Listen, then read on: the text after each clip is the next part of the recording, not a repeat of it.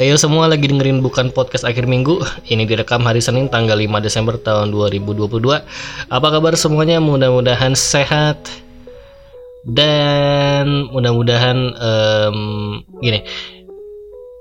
Kurang dari 30 hari lagi kita akan sampai di tahun baru. Um, Seperti biasa ya Jargonnya tahun baru semangat baru. Tapi coba lihat ya setahun terakhir Apa aja yang udah kita lakukan Apa aja yang udah kita capai Dan dan apa aja yang gagal kita capai. Jadi gak apa-apa loh um, kita gak mencapai target, gak apa-apa kita bikin kesalahan, gak apa-apa kita gagal. Yang terpenting itu kita jangan berhenti bergerak dan kita jangan terlalu ngabisin waktu untuk mengutuki dan meratapi kegagalannya gitu karena karena ya kamu tidak pernah gagal emang kamu pikir kamu siapa men kamu nggak seistimewa itu untuk tidak pernah merasakan kegagalan jadi udahlah move on lah. Just keep moving aja gitu kan. So anyway um, di di episode kali ini aku mau membicarakan tentang um, cancel culture ya. Jadi cancel culture adalah suatu fenomena di mana seseorang biasanya public figure itu di cancel habis-habisan karena menurut publik karena dianggap oleh publik melakukan sesuatu tindakan yang melanggar hukum norma. Sorry, it was my phone. Karena menurut publik um, orang tersebut melakukan sesuatu yang dianggap melanggar hukum norma tertentu lah, misalnya pelecehan seksual, misalnya perselingkuhan. Jadi dia tidak dikenakan hukum positif tapi dia dikenakan hukum norma atau hukum sosial. Nah, sebenarnya um, aku mau bedah dari hukuman dulu deh. Essence atau esensi dari hukuman kita harus sepakat di situ dulu. Um, hukuman itu dibuat supaya apa? Apakah untuk membumi hanguskan orangnya atau apakah untuk mendidik? Aku kira hukuman itu dibuat untuk mendidik karena dengan harapan setelah orang yang di cancel ini menjalani masa hukumannya, dia kembali jadi orang yang lebih baik. Tapi kan faktanya tidak seperti itu paling nggak yang kita lihat di realitas sekeliling kita ya. Faktanya bahwa tidak semua orang yang udah menjalani masa hukuman ini bahkan bukan cuma masa hukuman cancel culture-nya ya pas jangankan saat dia kena cancel bahkan ketika dia udah menjalani masa hukuman negara pun hukum positif gitu ya dia tuh masih di cancel karena padahal kan idealnya ketika dia udah menjalani masa hukumannya udah impas dong. Oke dia bikin kesalahan um, dia berkonsep dia ngambil konsekuensinya dia bertanggung jawab dengan menjalani hukuman. Dan harusnya ketika dia keluar dia selesai dan udah dia harusnya bebas gitu kan udah impas gitu. Tapi kenyataannya kan enggak nah begitu pula juga dengan cancel culture yang sedang terjadi di jagat netizen Indonesia ya kayak uh, aku pakai contoh kasus ya apa ya? Um, beberapa bulan lalu tuh ada setahun lalu kayaknya ada Gofar tuh ya Gofar Hilman. Um, gini. Gofar Hilman kasusnya dia dituduh melakukan tindakan pelecehan seksual terhadap seorang wanita. Ya kan? Aku positioning aku aku bukan fansnya Gofar aku gak nonton kontennya dia tapi aku juga gak benci sama dia. Jadi bodoh amat gitu. Tapi aku tahu apa yang terjadi sama Gofar pada saat itu. Netizen mungkin sebagian besar netizen Indonesia mengcancel orang ini habis-habisan. Bahkan sampai um, apa ya yang diserang tuh udah yang nggak relevan lagi sama karyanya dia gitu. Udah nyerang fisik udah bawa-bawa tato bahkan udah nyerang-nyerang keluarganya yang aku yang aku mulai mikir netizen yang mengcancel ini terlalu nganggur apa gimana ya? Sampai mereka tuh punya banyak waktu buat ngata-ngatain orang yang kesalahannya itu gak punya implikasi langsung sama kehidupannya gitu. Kayak lu ngapain ngata-ngatain orang ini cuy? Dia aja gak kenal sama lu pada gitu kan um, bukan gak boleh silahkan aja. Karena kan itu juga bagian dari free speech. Cuman coba dipikir ulang deh kayak um, buang-buang waktu sih kayak. Ya terserah lupa adalah cuman yang aku lihat waktu itu wave atau gelombang yang terjadi sama Gofar hatred ke dia tuh udah gak masuk akal gitu. Aku paham aku paham um, Gofar tuh diserang karena diduga masih diduga loh ya melakukan pelecehan seksual. Dan secara idealnya memang ketika ada kasus pelecehan seksual korban tuh harus dilindungin dulu. Tapi udah menurutku yang bijak adalah penyikapannya berhenti di situ. Kita lindungi korbannya kita support korbannya tapi tertuduh yang belum terbukti loh. Tertuduh ini yang belum terbukti bersalah gak perlu diserang sampai membabi buta. Karena kan hukum kita kan pakai asas praduga gak bersalah ya. Dan aku juga tahu untuk membuktikan kasus pelecehan seksual tuh susah gitu. Tapi netizen kita ya waktu itu habis-habisan ngehajar Gofar sampai dia ya dia udah ngelewatin konsekuensi hukum sosialnya gitu. Dia udah ngelewatin fase cancelnya dia bagaimana dia melewati depresinya dia kehilangan pekerjaan dan apa segala macam um, yang menurutku itu nggak fair gitu. Aku tidak bermaksud untuk membela tersangka yang ternyata at the end of the day juga tidak terbukti kalau dia tuh bersalah gitu kan tapi fenomena itu tuh bikin aku mikir kayak sedikit banyak netizen kita juga psikopat gitu karena dia mau menghukum orang tuh dengan bukan dengan niat ingin memberitahu yang benar atau dengan niat ingin memberikan pendidikan gitu supaya orangnya sadar. Tapi emang pure hatred emang pure pengen membumi hanguskan orangnya aja gitu. Padahal orangnya aja tuh gak gak kenal dan gak ada implikasi langsung sama hidupnya dia gitu kan. Jadi situ aku mikir ya jangan-jangan emang netizen kita juga agak psikopat gitu kan dan ternyata terbuktikan di akhir um, sekitar satu tahun kemudian kalau nggak salah ternyata terbukti Gofar tidak bersalah jadi perempuannya mengakui dia punya gangguan psikologis yang membuat dia berhalusinasi tentang hal-hal tertentu lah dan dia berhalusinasi tentang dia dilecehkan. Dan kalau kita berkaca dari kasus itu udah terlalu gila sih. Kalau inilah kenapa emang orang goblok tuh jangan dikasih sosmed dan jangan dikasih HP ya karena kita nggak tahu nih kapan dia halu, kapan dia lempeng gitu kan Aduh, gila sih.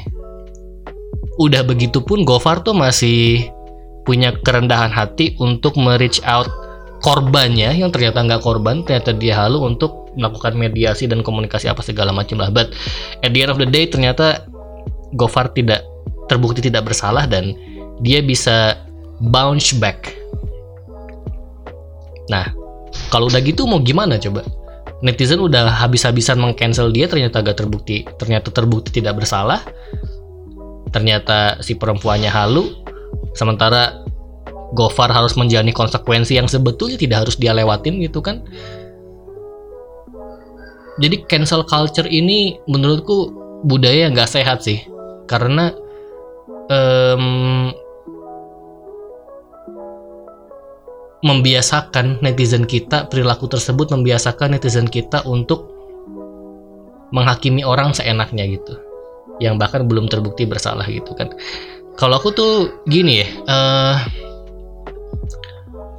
aku punya kebiasaan atau aku punya mindset untuk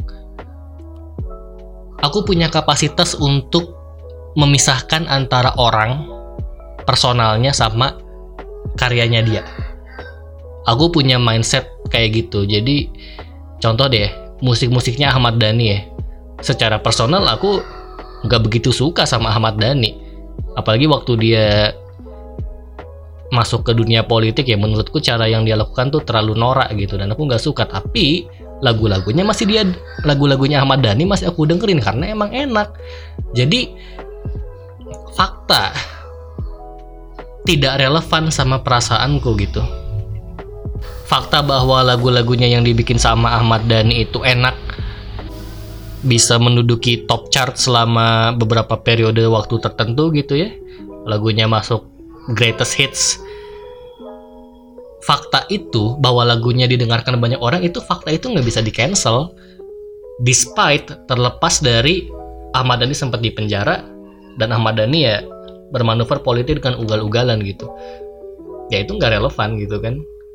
Nah itu sih menurutku um, akan lebih sehat ya kayaknya kalau misalnya kita membiasakan untuk kita melatih diri kita untuk bisa memisahkan antara orang sama karyanya karena itu is a different thing deh gitu kan. Contoh lain deh kalau bukan Ahmad Dhani apa musisi terkenal Freddie Mercury Queen. Aku kira Freddie Mercury udah melakukan seven deadly sins ya. Maksudnya pedofil sexual offender drug abuse you name it lah. Kayaknya udah semua dilakukan gitu. Kalau nggak salah Freddie Mercury kasusnya banyak lah kan tapi apa tapi masalah pribadi dia tidak bisa mengubah fakta bahwa Bohemian Rhapsody itu disukai banyak orang gitu.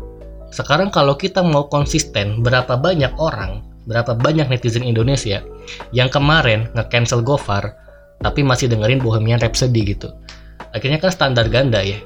Dan ya kalau orang pada akhirnya pakai standar ganda kita tahu lah kualitasnya di mana gitu kan. Eh uh,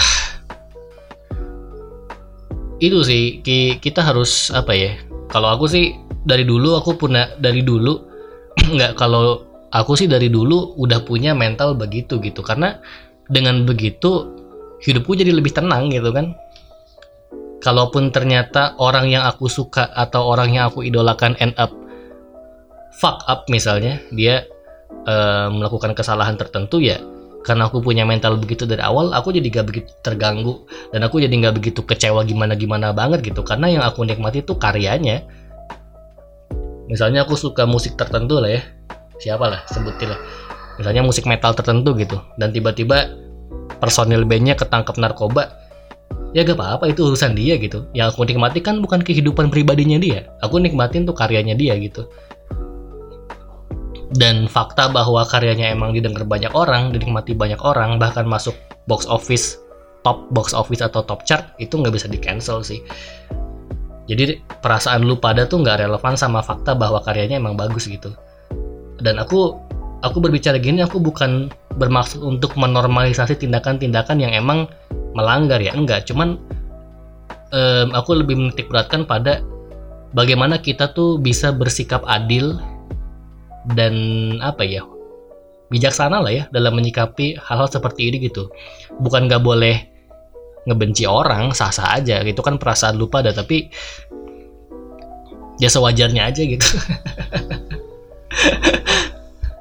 Dan coba dipikir baik-baik gitu kayak dipikir-pikir kita menghabiskan energi untuk ngebenci orang tuh kan gak ada manfaatnya juga ya gak bawa gak bawa manfaat apa pun buat kita dan sama orang yang kita targetkan juga belum tentu dibaca gitu. Jadi ya gitu. Dan yang terakhir ya dan yang paling panas nih kan kasusnya Arawinda. Jadi kemarin tuh aku nonton trailer film Like and Share ya. Dan menurutku itu trailernya bagus banget. Dan sutradaranya juga Gina Esnur yang kemarin du bikin dua garis biru aku nonton film itu. Dan itu bagus banget. Jadi aku punya excitement untuk nonton karya-karyanya Mbak Gina. Karena emang ya bagus filmnya gitu kan. Cuman belakangan aku baru tahu ternyata Arawinda tuh bermasalah. Dan ketika aku track back masalahnya apa ternyata masalah pelakor ya perebut laki orang lagi nih. Aku datang ke bioskop aku cuman mau nonton filmnya. Aku nggak peduli sama masalah aktor atau aktris di film itu aku gak peduli. Aku datang ke bioskop aku cuman mau menikmati filmnya yang emang aku suka karena sutradaranya gitu um, jadi ya aku datang aku datang ke bioskop cuma untuk nonton film yang aku suka dan aku nggak peduli sama kehidupan pribadi aktor atau aktris. Apakah pelakor itu salah? Salah. Aku nggak mendebat itu. Tapi apakah aku peduli? Enggak karena mau peduli juga kayak ah bodoh amat ah silahkan. Itu kan urusan rumah tangga orang ya beda halnya kalau itu terjadi sama keluarga keluargaku sendiri gitu yang beririsan langsung aku akan lebih peduli tapi ya udahlah silakan diselesaikan sendiri aja gitu. Aku datang ke bioskop aku cuman mau nonton filmnya aja gitu kan. Kalau kan lagian juga kita punya prosedur-prosedur hukum tertentu ya kalau nggak salah kalau nggak salah di KUHP atau di mana gitu aku lupa pasal yang mengatur tentang perselingkuhan tuh ada gitu jadi kalau misalnya emang terbukti bersalah ya silahkan diproses secara hukum gitu. Tapi nggak perlu nggak perlu raging hate towards anyone yang I don't know sih. Aku kayak kontroversial sih ngomong gitu tapi bodo amat lah. Yang jelas aku datang ke bioskop aku mau nonton like and share karena aku suka sama filmnya. Aku tidak mendukung perselingkuhan aku tidak mendukung pelakor tapi kalau itu terjadi bukan sama keluarga aku aku nggak peduli dan satu lagi gini ya um, ini juga mindset yang menurutku keliru dan akan membuat kita jadi terjerat dari terjerat banyak masalah gitu karena ekspektasi yang kita ciptakan sendiri. Public figure itu entertainer is supposed to entertain us, not educate us.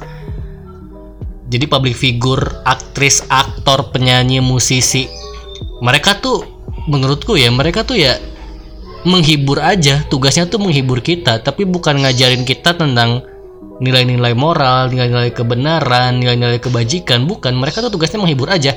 Kalau mereka menghibur sambil mengedukasi gak apa-apa bagus. Tapi bukan itu tujuannya. Mendidik tugas guru mendidik tugasnya orang tua kenapa anda mengharapkan dapat pendidikan dari orang yang jadi entertainer gitu kan? Kan aneh ya. Thank you very much. See you on the next episode. My name is Adam and Adam signing out and bye bye guys